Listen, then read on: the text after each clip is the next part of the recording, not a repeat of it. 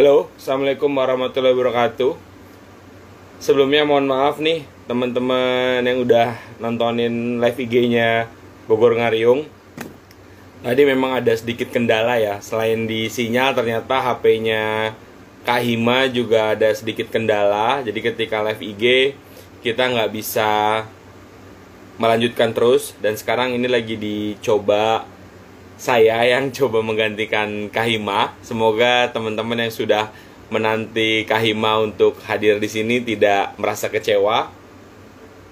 Karena saat ini saya yang akan menemani malam minggu teman-teman di live IG-nya Bogor Ngariung melalui program Ngosip, ngobrol asik dan produktif.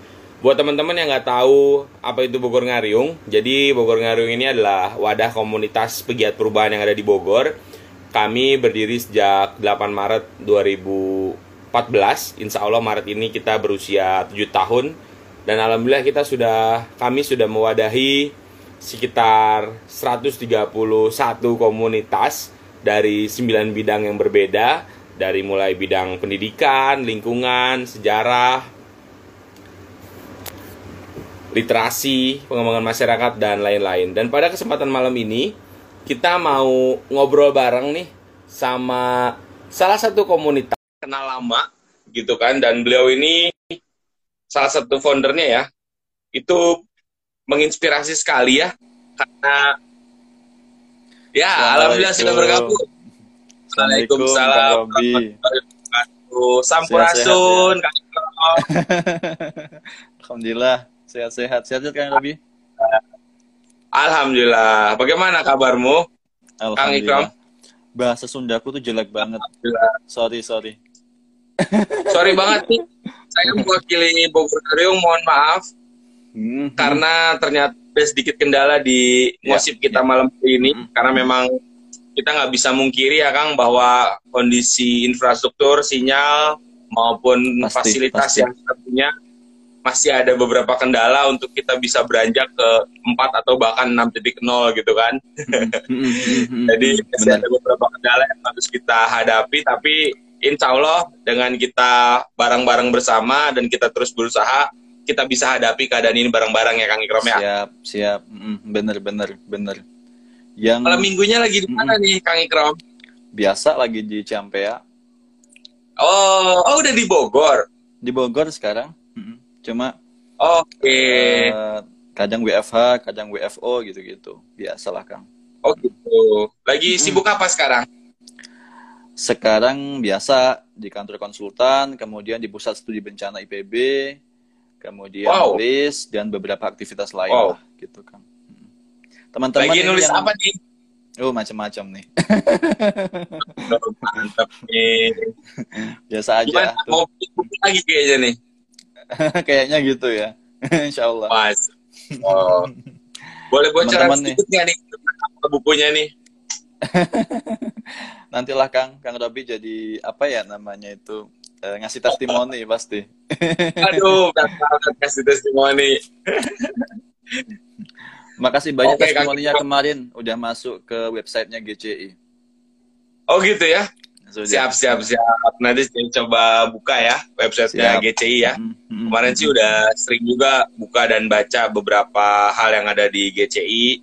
Mm-hmm. Dan memang ya dari tulisan-tulisan yang sering dikirim ke kami sih, kami mengetahui lah bahwa GCI ini sangat luar biasa ya Kang Ikrom ya.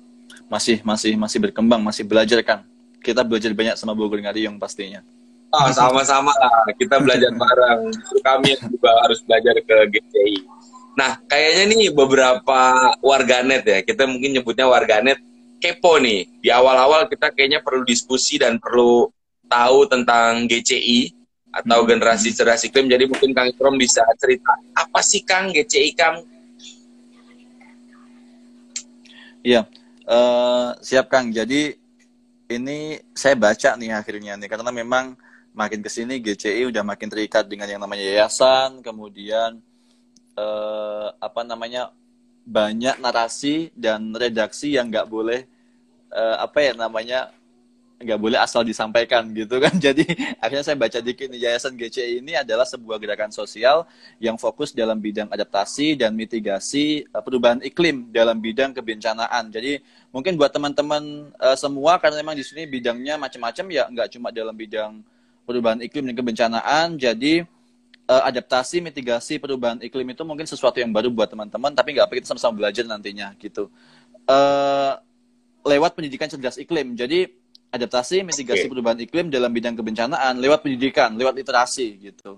Dan pengurangan hmm. risiko bencana, pelatihan kebencanaan, serta pemberian beasiswa bakti GCI. Begitu, Kang.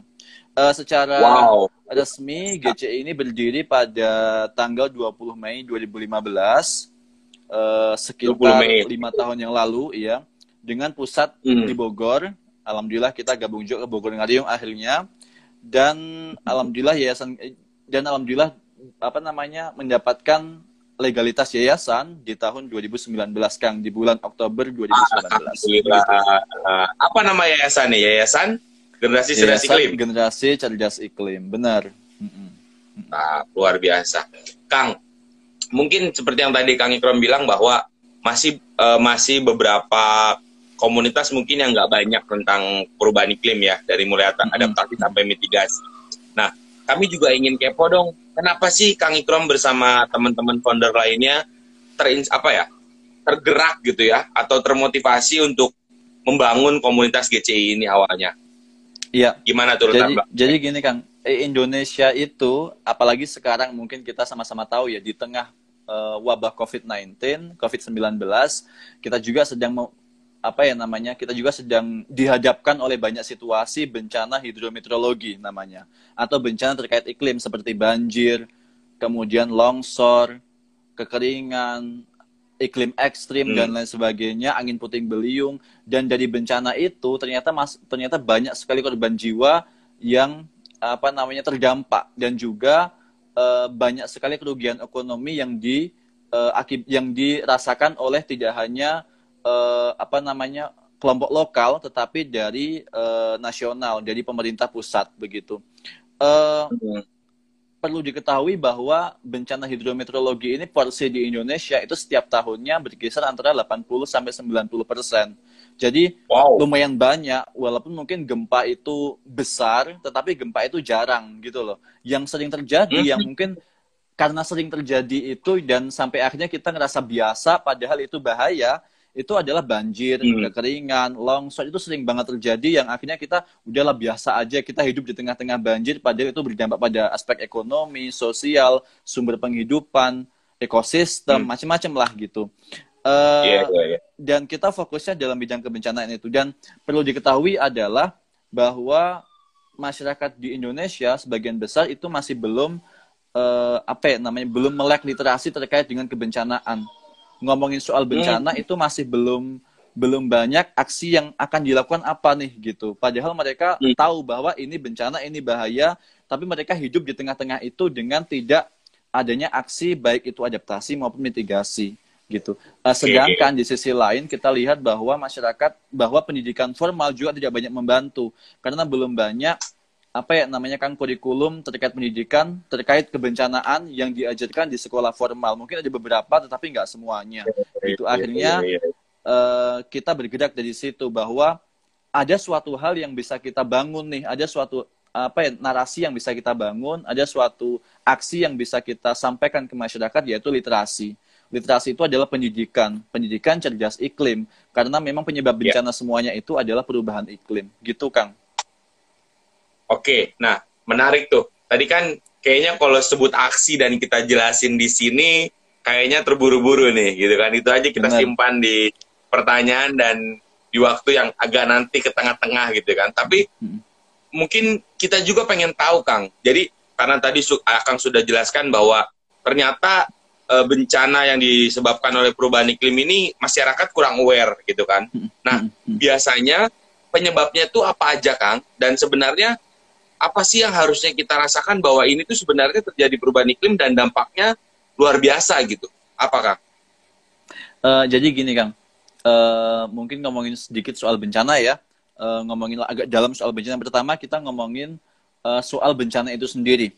Jadi bencana itu terjadi enggak serta mungkin Kang Robi juga tahu nih apa ada kuliah kebencanaan nih di S2-nya atau S1-nya dulu. Jadi bencana itu tidak serta merta terjadi kalau tidak ada penyebabnya di, di belakangnya. Ada ada yang namanya yeah. bahaya, ada yang namanya kerentanan, keterpaparan, sensitivitas dan macam-macam. Dan itu adalah suatu apa ya akumulasi yang ada di masyarakat. Kalau semuanya itu mendukung, pasti terjadi bencana gitu ada satu hal, ada satu mungkin contoh studi kasus menarik di wilayah eh, apa namanya selat di wilayah Karibian sana itu ada Kuba sama Haiti itu berdekatan lokasinya dan dalam satu waktu mereka mereka terkena yang namanya apa namanya ya uh, hurricane atau uh, earthquake atau gempa bumi. Dan dalam waktu yang bersamaan uh, Kuba itu tidak tidak ada korban jiwa mungkin hanya dua orang di satu negara, sedangkan Haiti itu lumpuh, pemerintahannya lumpuh, bahkan ada post disaster atau pasca bencana yang mereka nggak tahu mau ngapain gitu. hal eh, hal-hal yang kayak gitu sebenarnya adalah aspek-aspek sosial, aspek-aspek ekonomi yang mendukung terjadinya sebuah bencana.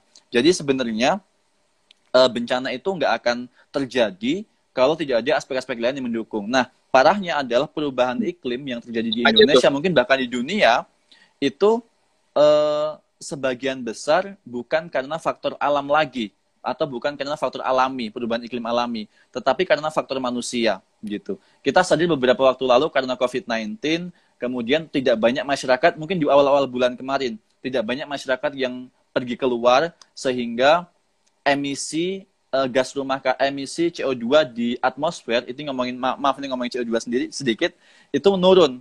Artinya aksi manusia yang banyak nih yang yang benar-benar bikin uh, apa namanya perubahan iklim itu cepat terjadi gitu. Artinya apa? Uh, sebenarnya yang perlu diperbaiki dari uh, upaya untuk mengurangi risiko bencana itu adalah manusianya, adalah masyarakatnya gitu dengan apa mungkin kita bisa bergerak dari sisi bottom up-nya Kang dari sisi apa namanya ya masyarakat lokal gitu. Ya. Uh -uh, benar grassroots-nya hmm. gitu. Jadi kita bikin suatu aksi untuk meningkatkan kapasitas mereka, meningkatkan ketahanan mereka dan juga menurunkan kerentanan mereka. Begitu, Kang. Dengan Jadi berbagai aksi di dalamnya. Salah satu, salah satu penyebabnya perubahan iklim ini manusia itu sendiri ya.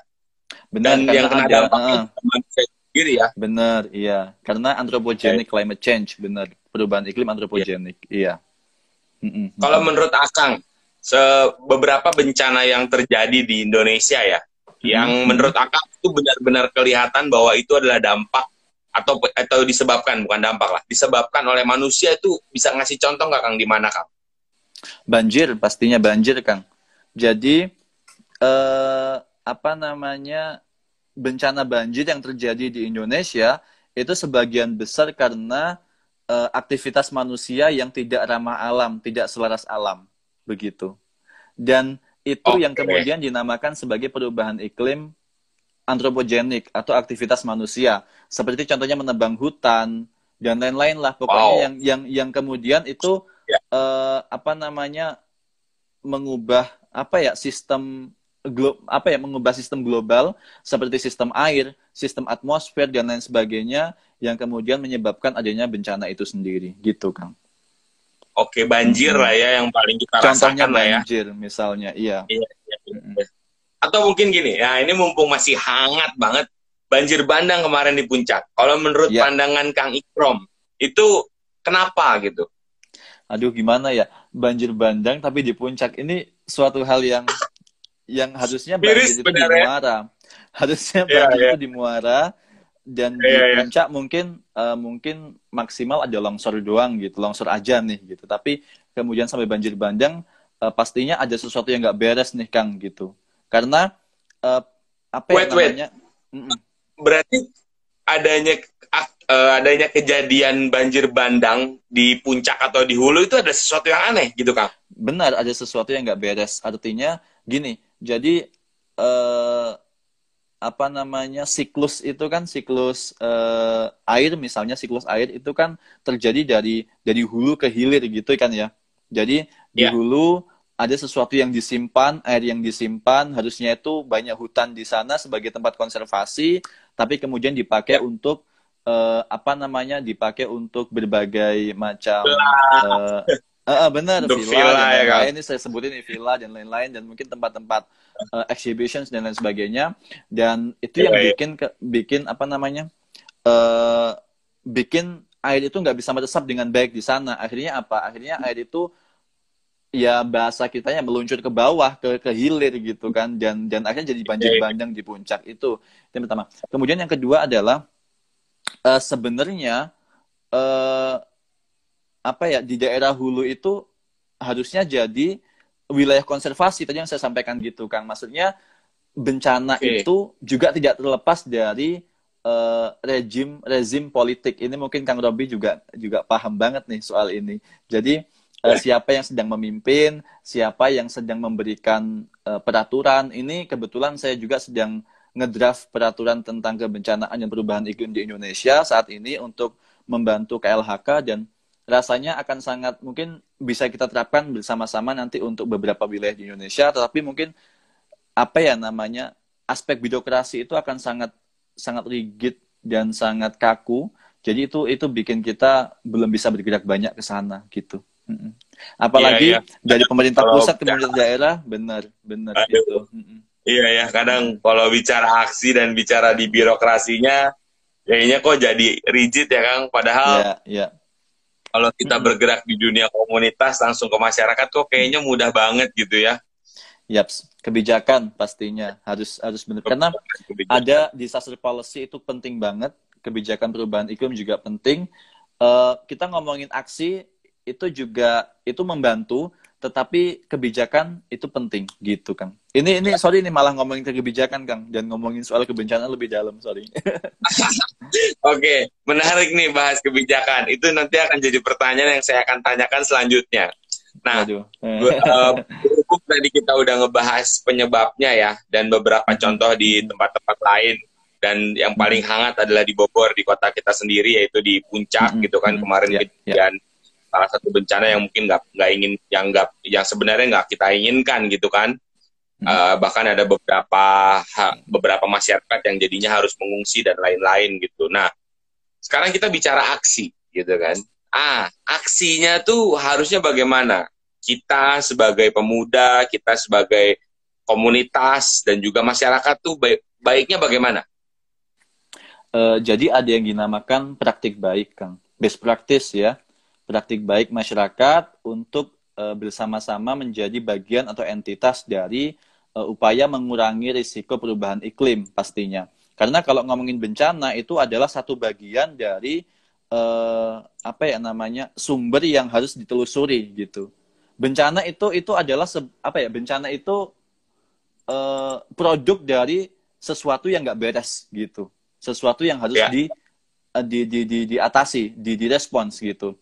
Apa uh, sesuatu itu? Itu adalah perubahan iklim. Karena perubahan iklim itu berdampak nggak cuma ke kebencanaan, tapi juga ke ekonomi, ke sosial, ke pangan, ke energi, macam-macam ke semuanya. Dan kesemuanya itu itu juga memiliki peran yang sangat besar dan uh, peran yang sangat dominan terhadap kebencanaan yang terjadi sesuai yang saya sampaikan tadi Kang di uh, studi kasus Kuba dan Haiti tadi. Karena hmm. masyarakatnya apakah kuat atau enggak, kemudian pemerintahnya apakah stabil atau enggak, ekonominya gimana, pangannya gimana, persediaan pangannya gimana gitu. Jadi uh, sebenarnya akarnya adalah perubahan iklim tadi yang harus segera kita atasi, kita bergerak. Ada dua hal sebenarnya yang harus kita kita apa yang perubahan iklim itu nggak bisa didiemin itu intinya. Tapi ada ada hal yeah, yang yeah. harus kita lakukan. Ada mitigasi, ada adaptasi. Kalau mitigasi itu ngomonginnya soal apa ya saya juga bingung dulu pernah pernah mengibaratkan ini gitu kan. Uh, kalau mitigasi Komunikasi itu risiko kalau di kami itu. Benar. Uh, mitigasi ya. itu lebih ke penurunan emisi gas rumah kaca. Jadi uh, hmm. menurunkan emisi gas rumah kaca sehingga uh, bisa terbentuk suasana yang lebih baik gitu. Dan itu sih dilakukan biasanya oleh kebijakan nasional kebijakan pusat. Kayak membangun hutan di mana kemudian uh, pengurangan emisi kendaraan kemudian bagaimana sistem lahan dan lain sebagainya itu itu lebih ke nasional lebih ke lebih ke pusat tetapi yang bisa kita lakukan di tingkat masyarakat di tingkat lokal adalah kita bisa mendukung mitigasi itu dengan apa dengan ya. adaptasi adaptasi perubahan iklim itu biasanya lebih ke praktik baik. Kita ngelakuin apa yang ramah lingkungan, seperti contoh kecilnya deh, kita mulai mulai apa namanya mengurangi sampah plastik gitu. Mengurangi sampah, sampah plastik. Oke. Okay. Bener. Kadang banyak sih yang bertanya-tanya, kenapa sih dari sampah plastik jadi perubahan iklim itu itu panjang gitu. Tapi setidaknya kita emang nggak harus uh, boleh sih kita tahu uh, asal usulnya, tapi setidaknya kita punya satu aksi baik itu jauh itu udah keren banget itu sih kang mengurangi sampah plastik ya Kang ya membuat biopori ya Kang bener bener banyak banget yang bisa kita iya. lakuin untuk bisa hidup ramah lingkungan gitu um, yeah. ada iya. ada satu hal uh, mungkin satu strategi atau ide yang kita namakan ecosystem based adaptation atau adaptasi berbasis ekosistem gitu hmm. misalnya hmm. pembangunan taman kota kemudian kita mulai ngurangin penggunaan AC tapi kita ganti dengan uh, apa namanya atap rumahnya kita buat lebih lebih uh, dingin atau lebih sejuk itu juga bagian dari adaptasi gitu. Oke okay, oke okay, menarik. Dan nah. yang terpenting sebenarnya adalah literasinya itu sendiri kan. Literasi nah, masyarakat nah, untuk ngerti ya. bahwa perubahan iklim itu terjadi loh gitu. Jadi kadang yeah, kita masih apa skeptis ya dengan itu gitu kan. Ya sedihnya masyarakat kita tuh kadang gitu ya dan bahkan kayak yang udah terbiasa gitu dengan keadaan ini gitu kan. Gitu. Nah, Kang, yang menarik lagi bagi kami adalah kenapa Kang Ikrom dan kawan-kawan pendiri lainnya lebih memilih jalur berkomunitas, membangun komunitas. Um, karena komunitas itu lebih apa ya namanya?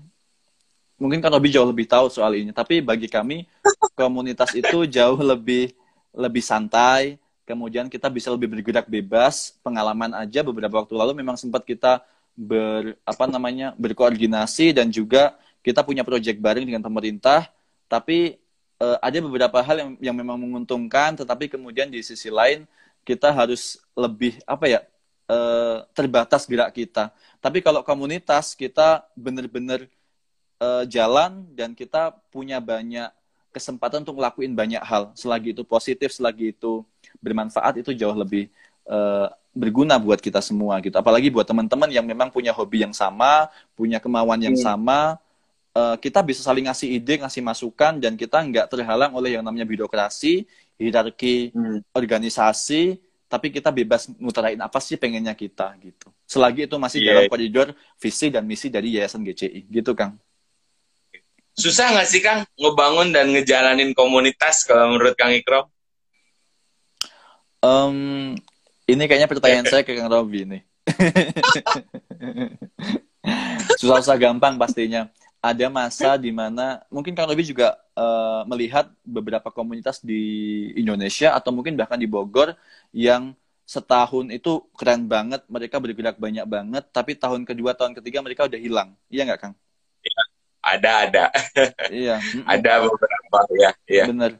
Dan kita bertahan dari apa namanya godaan-godaan seperti itu untuk bener-bener masih banget sih di tahun pertama. Tapi tahun kedua tahun ketiga kita bener-bener agak uh, kurang bisa megang gitu. Tapi akhirnya tetap ada orang-orang yang memang komit banget di GCI dan akhirnya sampai sekarang gitu. Karena tahun kedua tahun ketiga sempat saya tinggal juga Kang ke Belanda waktu itu ke se uh, sekolah master. Dan okay. uh, lumayan ini juga lumayan apa ya namanya challenging juga. Maksudnya lumayan bikin kita bingung juga karena harus rapatnya mungkin sekarang ini lum, lumrah banget ya rapat online yeah. tapi dulu masih kalau dulu lumrah kan. ya. bener uh, harusnya harusnya ketemu kalau rapat itu gitu. Iya iya iya. Tapi alhamdulillah nah sekarang tadi menarik kan, uh, Kang Ikrom bilang adanya godaan-godaan gitu kan dalam berkomunitas. Godaan apa ya kalau boleh tahu nih? Satu yang bisa satu yang terbes uh, apa yang terbesit ya dan pastinya itu lumayan lumayan besar juga adalah komitmen dari para uh, foundingnya, founding fathersnya. Jadi penemu apa pendiri-pendirinya mungkin ada beberapa teman yang juga ikut bantu-bantu sejak awal. Itu komitmen komitmen mereka sejak awal untuk sampai sampai hari ini itu uh, lumayan yang harus dipertahankan gitu. Ada beberapa mungkin yang memang nggak nggak bisa gabung lagi karena punya kesibukan lain. Tapi beberapa di antaranya masih sampai sekarang gabung dan mereka masih masih tetap apa ya Kang masih tetap bantu-bantu dan bikin GC bikin gimana caranya GC ini tetap di koridor yang diinginkan sejak awal, visi misi sejak awal seperti apa. Karena kalau uh, foundernya saja meninggalkan uh, sebuah komunitas itu gitu kan, itu benar-benar yeah. kolaps banget karena orang-orang yang masuk kemudian mungkin tidak se powerful kita gitu. Walaupun mereka mungkin yeah. benar-benar niat, benar-benar punya tujuan yang besar, tapi untuk untuk membangun itu, membangun power yang besar sejak awal itu masih sangat susah. Oleh karena itu memang foundernya harus ada dan harus tetap stay di situ, Kang, sampai benar-benar stabil, ya nggak sih? Boleh tahu nggak foundernya GCI siapa aja ya, Kang? Berarti Kang Ikrom?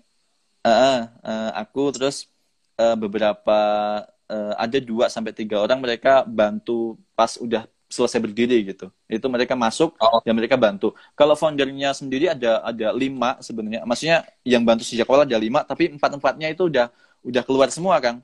Tapi okay. pas berdiri, kemudian beberapa bulan setelah itu uh, jalan, itu ada ada beberapa, beberapa orang yang masuk dan sampai sekarang gitu. Itu ada lima okay. lima orang gitu. Dan alhamdulillah di tahun 2019 kan kita jadi yayasan kan, Kang, gitu. Dan 2019 uh, eh, ya? Lumayan. Iya, 2019 kan sempat setelah jadi yayasan kita sempat mampir ke ya? Iya, kita sempat mampir ke uh, Bogor Ngariung waktu itu. Ya, ya, ya, ya. Kita ya, sempat ya. diskusi bareng waktu itu ya. Kita sempat diskusi bareng dan ya, alhamdulillah sampai sekarang gitu kan. Kang, kalau boleh tahu nih, Akang sebagai founder ya, apa yang membuat Akang terus teguh dalam membangun GCI ini? Um, sebenarnya apa ya namanya pernah juga uh, di apa ya di di tahun-tahun keempat atau tahun tahun ketiga tahun keempat terus pengen udahlah GCI-nya gitu kan pengen yang lain pengen fokus ke yang lain hmm. dan pengennya GCI ini dipegang langsung oleh teman-teman yang lain tapi melihat beberapa komunitas yang ada di Indonesia yang kemudian ditinggal foundernya dan mereka akhirnya kolaps dan nggak nggak nggak bisa bertahan lagi nggak bisa survive lagi akhirnya saya tetap di sini dan apa ya membangun visi sejak awal lah dulu inget banget waktu uh, kebetulan Project GC ini saya bawa ke seleksi Mapres nasional waktu itu. Uh, Oke. Okay. Dan di sana diingetin sama beberapa juri yang ternyata mereka jurusan beberapa kampus lain kayak UM, UTB waktu itu mereka ingetin bahwa GCI ini bisa uh, dibuat komunitas bahkan dibuat lebih besar lagi. Jadi dari mimpi mm -hmm. itu harusnya bisa bisa uh, bangun lebih lebih besar lagi, lebih lebih apa powerful lagi gitu. Akhirnya sampai sekarang Kang bahkan uh, sekarang kita udah punya tiga lembaga di bawah GCI, lembaga unit pengabdian masyarakat. Iya ada tiga kan. Jadi unit pengabdian masyarakat, unit uh, pelatihan kebencanaan, dan okay. uh, lembaga beasiswa bakti GCI begitu. Wow, Itu di ada tiga, mm, ya?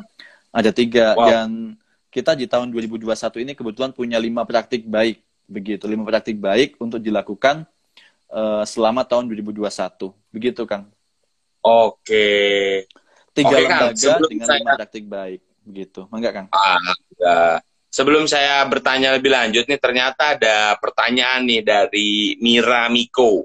Sekiranya apa yang harus disampaikan kepada anak-anak yang trauma di tingkat sekolah dasar Terutama, tentang iya. pentingnya iya. Perubahan iklim? Kebaca kan kan? Iya. Iya. Terima kasih Kak Mira. Bagi yang mau bertanya boleh ya? Oke, okay, Kang. Siap. Kang Ini dari uh, Mira nih, iya. Dari apa namanya? Urban Sakola ya. iya, kita Urban Sakola.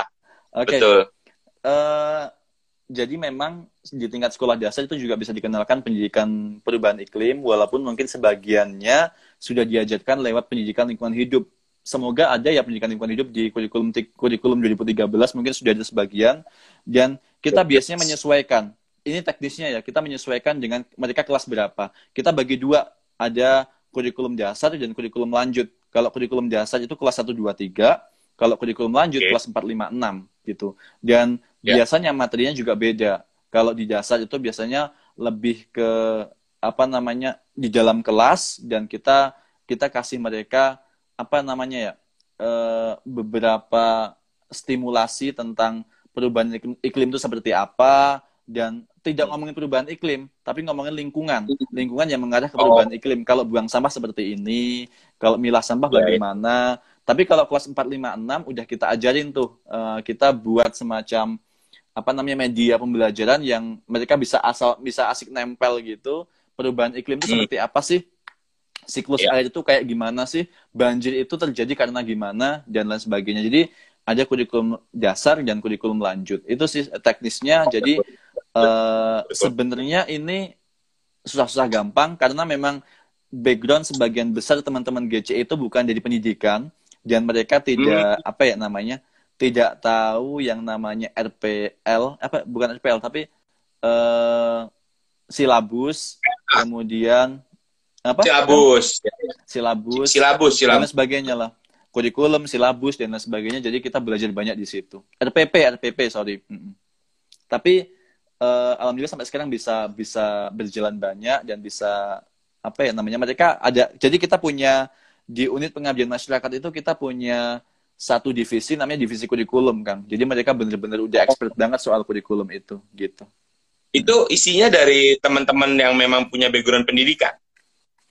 Enggak juga, Kang. Kita punya beberapa konsulta, kita punya beberapa tenaga ahli atau mungkin apa ya, advisor lah gitu, penasehat yang memang orang pendidikan. Jadi kita bisa bebas buat nanya, buat ngasih minta hmm. masukan terkait dengan kurikulum yang sudah kita buat gitu, Kang. Oke, atau mungkin juga kalau nanti ada teman-teman komunitas yang memang backgroundnya di pendidikan ya Kang ya, ingin kolaborasi dengan GCI gitu kan, pasti ingin membangun kurikulum bareng-bareng tentang bagaimana hmm. Cerdas dalam perubahan iklim itu sangat terbuka sekali ya Kang ya bagi GCI ya Kang ya. Bener banget banget kita bisa terbuka karena uh, kita udah punya di, uh, unit atau lembaga yang benar-benar fokus di situ, yaitu lembaga hmm. pengabdian, unit pengabdian masyarakat. Jadi memang fokusnya ke ke apa namanya ke daerah-daerah dan sebagainya, ke sekolah-sekolah. Karena salah satu praktik baik 2021 adalah GJI chapter daerah, Kang. Jadi itu punyanya unit pengabdian masyarakat gitu. Jadi kita akan membangun beberapa chapter di beberapa daerah di Indonesia. Eh, target pertama iya, adalah iya. Pekalongan dan Bengkulu, begitu. Pekalongan karena ada orang Pekalongan ya di sana ya. Karena ada orang Ada Kang mungkin ya. Bener, ini aslinya di sini nggak sih? iya, aslinya oh ya kebetulan Asli itu direktur dari unit pengabdian masyarakat. Wow, selamat ya Kang Astril punya amanah luar biasa nih dan kayaknya akan mendirikan GCI chapter Pekalongan nih luar biasa Pasti. sekali nih. Kang, Uh, beberapa ada yang menarik juga tentang bagaimana upaya GCI dalam memberikan edukasi ke masyarakat khususnya ke teman-teman yang masih sekolah karena memang ya. apa ya mengedukasi tentang lingkungan, tentang buang sampah, tentang perubahan iklim itu sebenarnya udah apa ya udah sering dilakukan tapi kayaknya masih sulit gitu kan diterapkan sama masyarakat. Jadi apa sih Kang upaya-upayanya dari teman-teman GC ini dalam melakukan aksi ya, kita sebutnya aksi di masyarakat itu seperti apa Kang? Praktik baik mungkin Kang ya? Praktik baik. Bagi teman-teman yang mau bertanya, bisa langsung disampaikan. Kalau bisa sih jangan di kolom komen ya, karena kalau di kolom komen terus bergerak dan saya sulit scrollnya. Jadi teman-teman bisa menggunakan fitur Q&A, jadi teman-teman bisa sampaikan di sana, boleh sampaikan pertanyaan, boleh sampaikan salam mungkin buat Kang Ikrom dan Kang Astril dan kawan-kawan, atau juga mungkin buat Kak Egi yang tahun kemarin jadi ketuanya gitu kan, silakan sampaikan saja. Dan saat ini mungkin kondisinya sepertinya sinyalnya Kang Ikrom lagi kurang baik, jadi nggak apa-apa, kita sambil tunggu stabil lagi, kita sampaikan ke teman-teman bagi yang ingin bertanya, ingin menyampaikan, nanti kita bisa bareng-bareng sampaikan di sini dan bisa dijawab sama Kang Ikrom langsung, secara langsung gitu kan. Iya. Saya udah okay. invite lagi Kang Ikrom. Sorry, sorry. Ada kendala kayaknya sinyalku. Hmm. Oh gitu? Iya, ada kendala, sorry, sorry. Maaf, maaf nih. Nggak apa-apa, nggak apa-apa. Tadi juga kami sempat kendala 2 sampai tiga kali Kang Ikro. siap, ya, ya, siap, ya, ya. siap. Hmm. Gimana Ciampea sinyalnya bagaimana? Aman, Kang? Ciampea aman, aman insya Allah. di Padang nggak permai, Kang. Oh, di TDP ya. Iya, iya, iya, iya. Ya. Yes, yes. TDP. Taman Dermaga Permai. Iya, tadi oh. nyambungin soal ini soal bagaimana praktik uh, baik gimana sih mungkin uh -uh, benar praktik baik yang kita lakuin selama uh, beberapa waktu terakhir. Uh, jadi gini kang. Uh, program pengabdian masyarakat GCI di di setiap uh, apa namanya di setiap kesempatan yang kita lakuin kita memang berbasis kearifan lokal. Yeah. jadi itu yang jadi kekuatan utama dari GCI sehingga ketika kita menerapkan praktik baik di setiap wilayah itu akan diterima baik oleh masyarakatnya. Tidak ada tension tidak ada konflik di sana walaupun mungkin pasti ada konflik sedikit bagaimanapun itu bisa kita atasi dan dari cara kita menerima dan jadi cara kita untuk menyesuaikan fleksibel menyesuaikan kondisi dan situasi di wilayah tersebut itu akan jadi lebih mudah untuk menyampaikan praktik baik, menyampaikan misi kita terkait dengan nilai-nilai iklim dan kebencanaan itu sendiri. Sebagai contohnya gini, ketika kita melakukan program praktik baik eh, pengabdian masyarakat terkait dengan GCI di kota, mungkin di beberapa wilayah di Bogor, kita menyesuaikannya dengan menggunakan eh, apa namanya pendidikan berbasis aplikasi, baik itu Android maupun website dan sebagainya, gitu. Hmm. Tetapi Asik. di sisi lain, ketika kita ya ketika kita ngelakuin programnya, program praktik baik itu di uh, wilayah-wilayah afirmasi, seperti pernah kemarin di Kukuk Sumpung itu atas uh, rekomendasi dari Mira juga waktu itu. Hmm. Kemudian uh, kita juga pernah di uh, ke bagaimana kearifan lokal yang ada di sana sebagai contoh mereka menyampaikan bahwa di desa kita tidak boleh ada akses internet. Di desa kita wow. tidak boleh menghidupkan alat elektronik, tidak ada listrik dan lain sebagainya. Jadi akhirnya kita mengubah semua uh, visualisasi PowerPoint jadi uh, apa namanya ya? Jadi big, uh, semacam poster tempel-tempelan kita nempel bareng soal bagaimana banjir terjadi dan lain sebagainya. Kita bikin permainan di luar kemudian kita bikin games yang sesuai dengan kapasitas mereka juga. Pernah satu ketika juga kita datang, mungkin saya pernah cerita juga ke Kang Robi dan teman-teman, bahwa kita pernah datang ke suatu desa yang mereka tidak bisa berbahasa Indonesia. Sedangkan wow. uh, di mana kita teman-teman ya, teman-teman GCI di mana itu? Di, uh, di Rumpin, di Rumpin waktu itu, di Rumpin. Okay. Dan di sisi lain, uh, kita dari teman-teman GC itu mungkin sebagian kecil yang uh, asli Sunda gitu. Iya. Dan sebagian besar mungkin kita di luar Jawa Barat karena anak IPB.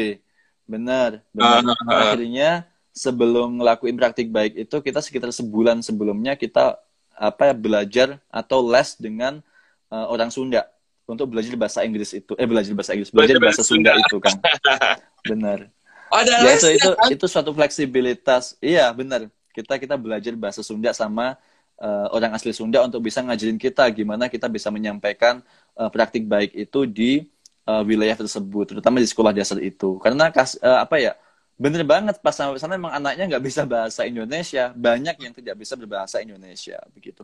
Itu oh, kelas wow. jauh sih waktu itu. Jadi tantangan dan jadi kesan tersendiri ya Kang ya bagi teman-teman GCI itu ya Kang. Ya?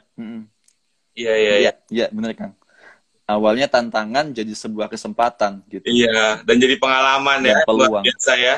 Benar. Benar-benar. Nah, lalu Kang di masa pandemi ini bagaimana nih praktik baiknya teman-teman GCI ini? Uh, selama 2019 mungkin kita kebanyakan praktik baiknya virtual ya Kang. Jadi kita ngebanyakin uh, webinar, kita ngebanyakin karena COVID-19, COVID-19 juga bagian dari bencana dan itu juga ada kaitannya terhadap dampak perubahan iklim dan kita juga apa namanya ya akhirnya kita bikin beberapa webinar, beberapa aktivitas.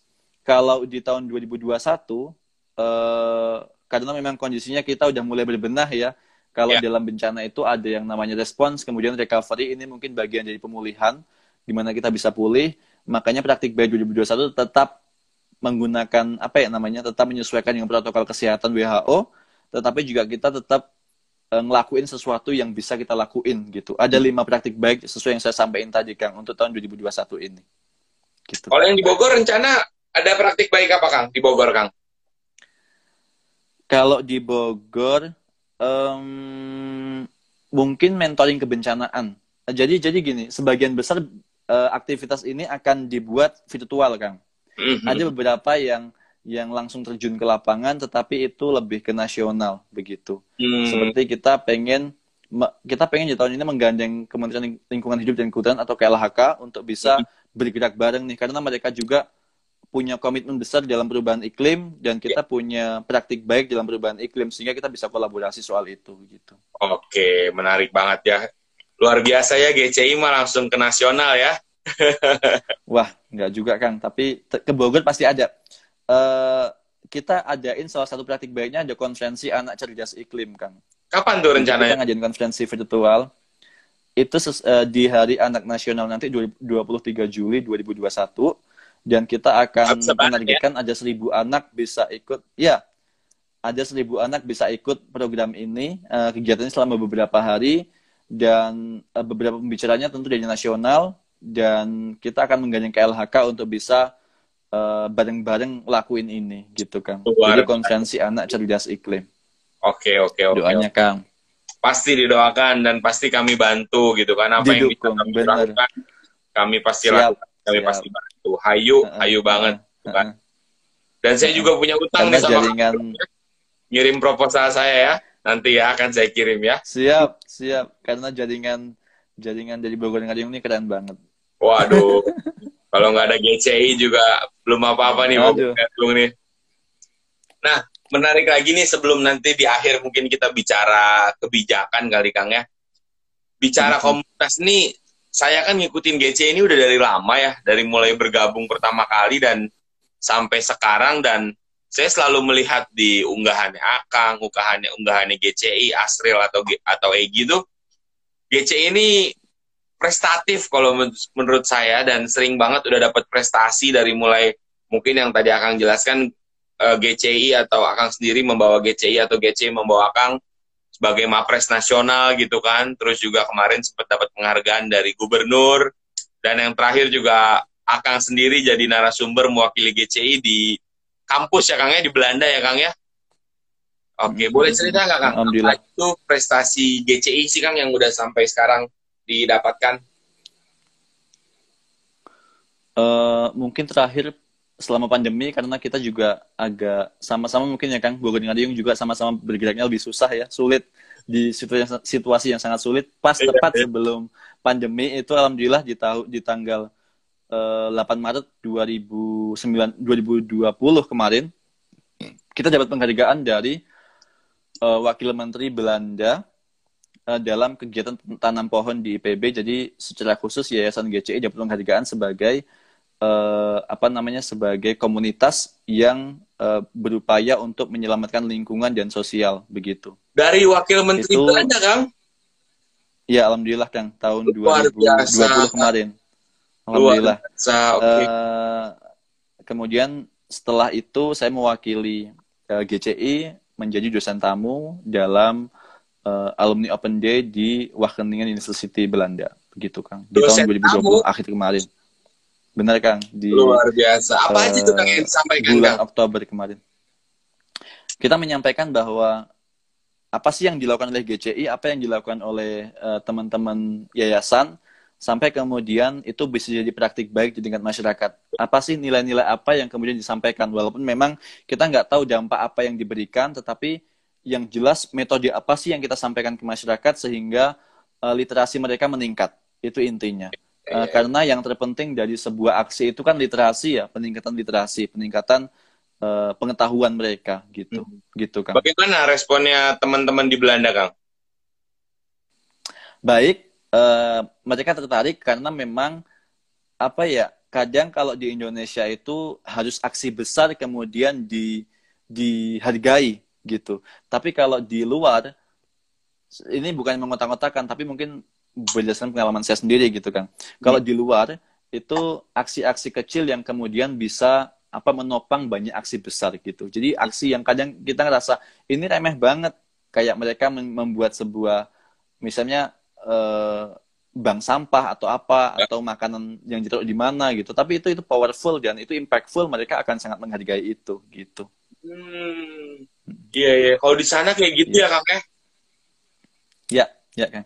Sebenarnya itu juga udah kita lakuin sih di di teman-teman Bogor Ngariung ya. Kita hmm. ngumpulin banyak komunitas kecil, banyak komunitas yang memang memang punya apa ya namanya punya karakter masing-masing, punya kegiatan masing-masing dan itu itu ketika kita kumpulin tuh jadi kuat banget gitu loh. Kita punya banyak hal yang bisa dilakuin gitu. Anyway, di Belanda ada komunitas kayak kan? Ada dong, ada mulai dari komunitas lingkungan, okay. komunitas sosial, sampai ke komunitas human right. Human right-nya okay, itu human right, HAM ya. LG, LGBT LGBTQ juga ada. Macam-macam. ya kalau di sana kan itu mulai jadi yang paling waras sampai yang enggak lah gitu. Oh iya iya iya iya iya iya. iya. Oke, tadi mungkin udah diceritain tentang satu prestasinya dapat dari wamen Belanda gitu kan. Nah, terus apalagi nih Kang selain selain itu Kang? Um, kita dapat kesempatan buat ini Kang. Jadi GCI ini adalah salah satu komunitas yang di uh, apa namanya yang disimpan oleh KLHK untuk diundang dan selalu diberikan uh, apresiasi ketika melakukan sesuatu oleh KLHK itu sendiri gitu. Jadi hmm. ketika mereka ada event, kita selalu jadi bagian dari uh, kementerian itu sendiri untuk ikut bantu, untuk ikut uh, apa yang namanya ikut menyebarkan praktik baik yang mereka lakukan begitu menyebarkan komitmen yang mereka lakukan untuk bisa jadi praktik baik yang bisa kita lakukan gitu kang oke oke oke oke oleh karena itu di tahun 2021 ini rencana kita sudah mengagendakan untuk mengadakan audiensi dengan Ibu Menteri KLHK untuk bisa mendukung program uh, konferensi anak cerdas iklim itu, Kang, di tahun di uh, oh, ya, tengah bulan Juli nanti, gitu. ya. Ya, ya, ya. Terus gimana dukungannya? Insya Allah lah ya, pasti ya. Insya Allah, semoga lancar amin, dan amin, amin. apa namanya bukan kayaknya... sebenarnya bukan bukan dukungan yang seperti itu, Kang, tapi dengan Ibu Menteri ikut menjadi bagian dari audiensi itu kita hmm. pengen makin banyak anak di Indonesia yang yang ikutan bahwa mereka jadi anak cerdas iklim ikutan program aksi-aksi baik ini gitu ya, ya, ya, gitu ya. kang pengennya sih itu bener-bener banget bener banget oke okay. hmm. dan kayaknya juga nanti teman-teman adik uh, adik-adik yang dibina sama teman-teman komunitas juga pada bisa ikut ya kang ya bener pasti pasti hmm. kita akan Ibu. undang dan pasti lewat Bogun Ngariung lagi kita dapetin Bogun Ngariung nanti nggak nggak apa-apa lah kita kolaborasi lah gitu kan iya iya ya. siap nah terus yang menarik kayak gini kang dari komunitas GCI itu kan GCI akhirnya memutuskan menjadi yayasan gitu kan ya. kalau hmm. bicara legal ada PT ada CV ada yayasan hmm. ada perkumpulan atau mungkin koperasi atau mungkin partai gitu kan kenapa nih ya, GCI bener. memilih yayasan um, karena yayasan tuh jauh lebih lebih fleksibel menurut saya dan sistemnya non profit jadi lebih lebih banyak hal yang bisa kita lakukan untuk berbagi praktik baik dan itu juga yang memungkinkan dengan apa namanya dengan makin kompleksnya kita karena kita pengen punya banyak lembaga di bawahnya oleh hmm. karena itu harus ada yang menaungi di atas satu yang menaungi itu dan itu oh. disebut sebagai yayasan gitu yeah, yeah, yeah, yeah. jadi Uh, dan dengan yayasan kita juga makin fleksibel untuk bisa menggalang dana, menggalang iya. bantuan dari berbagai macam entitas atau instansi sehingga program praktik baik dari GCI bisa makin luas terlaksananya gitu kan.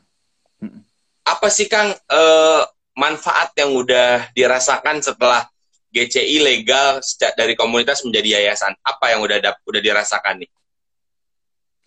Um, bantuan jadi lebih mudah, hmm. donasi jadi lebih mudah, memungkinkan dan memang uh, beberapa kali juga mungkin selama tahun 2020 kemarin kita berkoordinasi kita bekerja sama dengan Nufik Neso Indonesia. Itu uh, yayasan juga mereka tapi mungkin bagian dari apa ya namanya uh, bagian Nufik Neso Indonesia. Mungkin Kang Kang uh, Robi juga tahu ya Nufik Neso Nufik Neso Indonesia sebagai bagian dari kedutaan besar Belanda di Indonesia kita okay. ngadain beberapa kerjasama dengan mereka dan kita juga ngadain beberapa kerjasama dengan eh, teman-teman uh, perusahaan maupun instansi lain selama tahun 2020 sehingga mm -hmm. uh, dan dan kepercayaan trust terhadap yayasan itu jauh lebih tinggi karena kita punya sebagai contoh kita punya rekening kita yeah. punya uh, akun bank yang yang itu resmi yayasan GCI itu sendiri um, yeah, yeah. sebenarnya memang dulu mungkin Kang Robi tahu bahwa pendirian yayasan ini karena waktu itu dapat penghargaan jadi gubernur Jabar yeah, kita yeah. terpaksa bikin yayasan tapi akhirnya jadi jadi berkah sampai sekarang yeah, yeah. mungkin jalannya seperti ya. itu kang terdorong dari terdorong bener, jadi bener. bikin ngurus yayasan ya kang ya bener bener iya iya iya iya ya. Oke, Kang. Tadi kita udah bicara tentang latar belakang, terus tentang aksinya, penyebab juga. Terus tadi akan ngasih bocoran bahwa sebaiknya ada kebijakan gitu kan tentang perubahan iklim ini atau mungkin nanti kita juga bisa mendorong pemerintah daerah kita maupun pemerintah kota. Hmm. Harusnya nih kebijakan apa yang dilakukan untuk bisa melestarikan lingkungan dan adaptasi terhadap perubahan iklim? uh, yang pertama sebenarnya kita kita punya banyak kementerian ya di Indonesia. Uh, kita punya banyak apa namanya lembaga juga di Indonesia yang mungkin direktorat atau salah satu tugas fungsi di dalamnya adalah mengatasi soal perubahan iklim, baik hmm. dari dampaknya, mau keuangannya maupun sampai ke uh, praktik baik apa gitu, sampai aksinya seperti apa. Mulai hmm. dari KLHK mereka punya uh, Direktorat Adaptasi dan Mitigasi Perubahan Iklim. Hmm. Kemudian KKP mereka punya perubahan iklim juga. Kemudian dari Bappenas bahkan Kementerian Keuangan juga sama, lingkungan, perubahan iklim juga ada di situ BKF. Dan banyak banyak kementerian lainnya.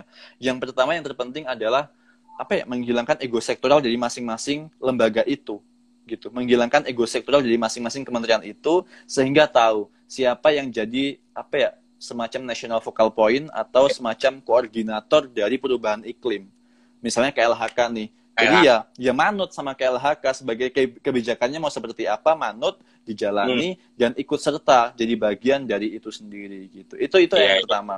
Kemudian yang kedua sinkronisasi antara nasional antara pusat dan daerah gitu. Karena agak apa ya sering tension. Jadi sering sering berbeda berbeda kebijakan perda ada tapi di nasional juga ada dan itu beda isinya gitu. Hmm. itu juga jadi bagian yang harus dipertimbangkan yeah. Ya. uh, terutama pemahaman masyarakat dan pemerintah daerah soal perubahan iklim yang harus jadi bagian dari kebijakan utama gitu hmm. kebijakan prioritas okay, okay, okay, okay. karena kebanyakan kita masih yeah. mikirin ekonominya nanti gimana kalau jadi hutan kalau bukan villa kan nggak ada uangnya gitu hmm. itu, itu masih jadi jadi bagian yang harus dipertimbangkan gitu yeah, yeah, itu sih kan contohnya itu oke okay, oke okay.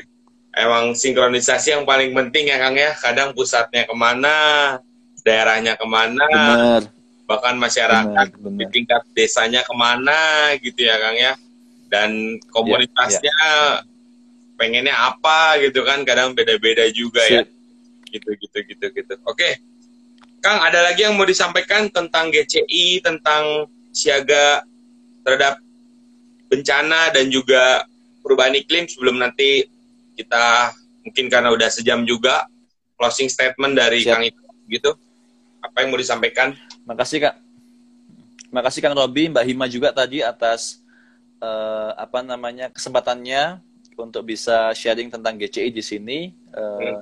di Bogor Ngariung. Semoga kita tetap bisa berkolaborasi, berkoordinasi dan kerja bareng lah buat menciptakan praktik-praktik baik, menciptakan apa ya lilin di masyarakat sehingga kita bisa uh, bareng-bareng bikin sebuah apa ya bikin bikin bikin terang lah di beberapa titik untuk bisa mendukung program-program pemerintah pastinya dan untuk bisa mendukung Indonesia lebih baik lagi di masa depan. Yang pertama. Kemudian yang kedua, uh, kita sedang launching juga proposal sponsorship GCI untuk tahun 2021, Kang. Kebetulan yeah. di Yayasan GCI buat teman-teman uh, buat teman-teman dari uh, komunitas jika ada yang ingin apa namanya tahu proposal kita dan mungkin ingin membuat hal yang serupa silahkan nanti bisa kontak saya. Kita bisa uh, apa namanya tanya-tanya bareng lah kayak gitu diskusi bareng.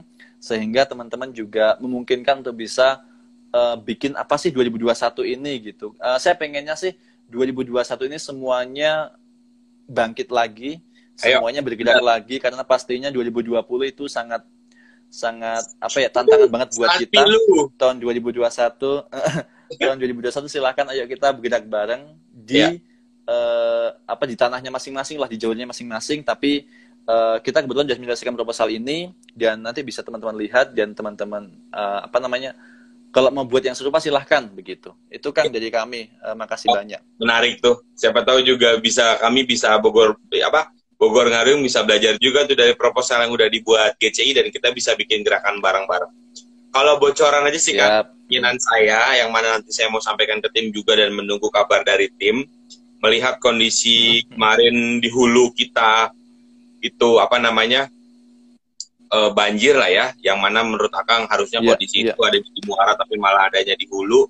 Saya pengen ngajak teman-teman melakukan penanaman di puncak karena kebetulan saya juga punya relasi petani kopi di sana yang sudah melakukan konservasi hmm. Hmm. dan mereka melakukan konservasi dengan menanam kopi di Cibulau tempatnya di dekat titik nol di Cisaat dan kenapa mereka menanam kopi karena sebelumnya mereka sudah melakukan penanaman banyak pohon apalagi pohon tegakan dan pohon besar, pohon kayu, itu kalau udah panen, udah besar, pohonnya hilang.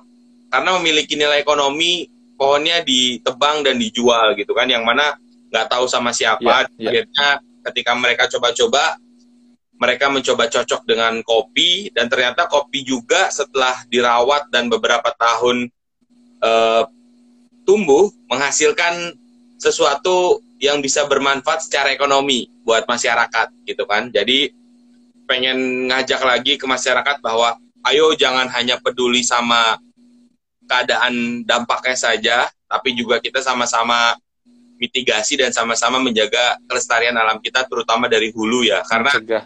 kemarin bener, bener.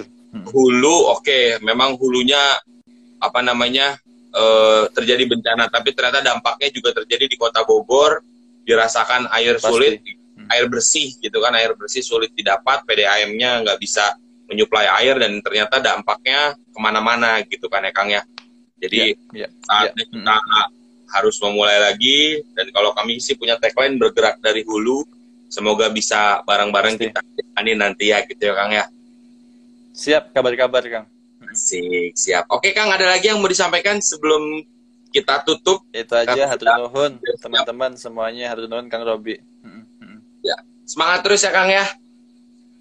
Hatur nuhun, mari. Terima kasih buat Kang Ikrom, terima kasih buat GCI.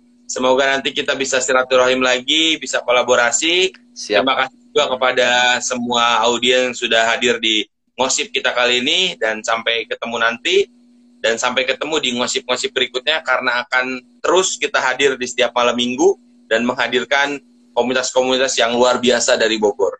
Kita perkenalkan komunitas, Siap. kita perkenalkan gerakannya, dan kita jalin kolaborasi. Terima kasih semuanya. Salam Ngariung, salam perubahan. Wabillahi taufiq walhidayah. Wassalamualaikum warahmatullahi wabarakatuh. Terima kasih, Kang. Assalamualaikum warahmatullahi wabarakatuh. Mari, Kang. Ya.